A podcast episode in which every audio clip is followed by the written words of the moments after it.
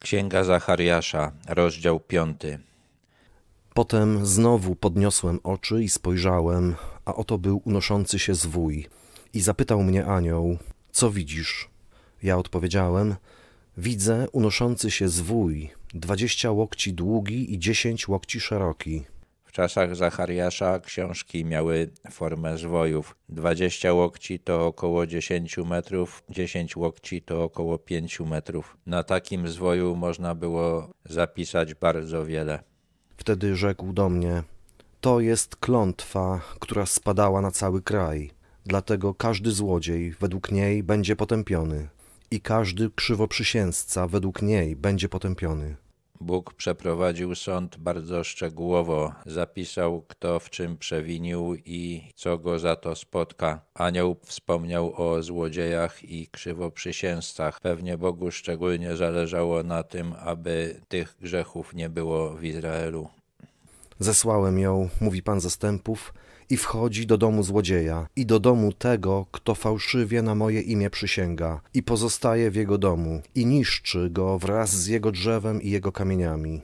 Tak jak każde słowo pochodzące od Boga, także ta klątwa działała i miała moc. Niszczyła złodziei i krzywoprzysięzców i niszczyła także ich domy i ogrody. Przypuszczam, że ta wizja miała wyjaśnić Zachariaszowi, dlaczego przez ostatnie kilkadziesiąt lat spadały na naród izraelski różne nieszczęścia.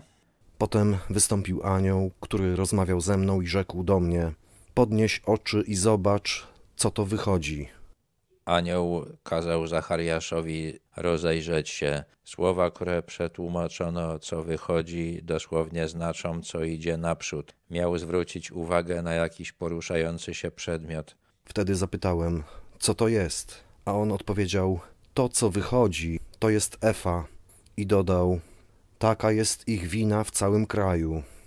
Efa to była miara objętości równa 40 lub 22 litrom, a także nazwa dzbana, który miał taką objętość. Zachariasz zobaczył taki dosyć spory dzban i anioł powiedział mu, że ten dzban zawiera w sobie winę każdego w tej ziemi, czyli każdego Izraelity. A wtem podniosła się ołowiana pokrywa i zobaczyłem kobietę siedzącą w Efie.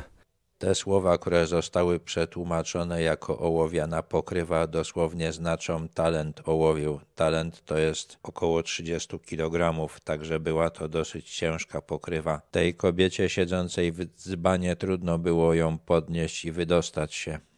I rzekł: To jest bezbożność. I zepchnął ją do wnętrza Efy i rzucił na jej wierzch ołowianą pokrywę.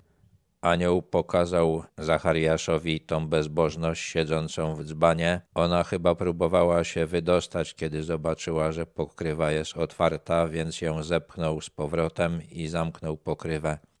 Znowu podniosłem oczy i spojrzałem, a oto wyszły dwie kobiety, których skrzydła poruszał wiatr, a miały skrzydła jak skrzydła bocianie, i one podniosły Efę między niebo a ziemię. Dzban z bezbożnością podniosły jakieś dwie anielice, które miały bocianie skrzydła. Bociany latają daleko, także można się było domyślić, że ich zadaniem jest usunąć tę bezbożność gdzieś daleko. Wtedy zapytałem anioła, który rozmawiał ze mną, dokąd one zaniosą Efę. I odpowiedział mi, będzie dla niej wzniesiona świątynia w ziemi Sinear, a gdy będzie gotowa, postawię ją tam na cokole. W ziemi Sinear budowano wieżę Babel. Ta ziemia wchodziła w skład państwa babilońskiego, które zniszczyło królestwo Judy. Przez tę wizję Bóg zapowiedział Zachariaszowi, że usunie bezbożność z Izraela i przeniesie ją do ziemi Sinear. Ta ziemia stanie się ośrodkiem bezbożności, ośrodkiem buntu przeciwko Bogu, tak jak to już niejednokrotnie było w przeszłości. Jan w Apokalipsie pisał o Wielkim Babilonie, czyli w czasach ostatecznych będzie wyraźnie widać, że ten główny ośrodek buntu przeciwko Bogu znajduje się w dorzeczu Eufratu i Tygrysu.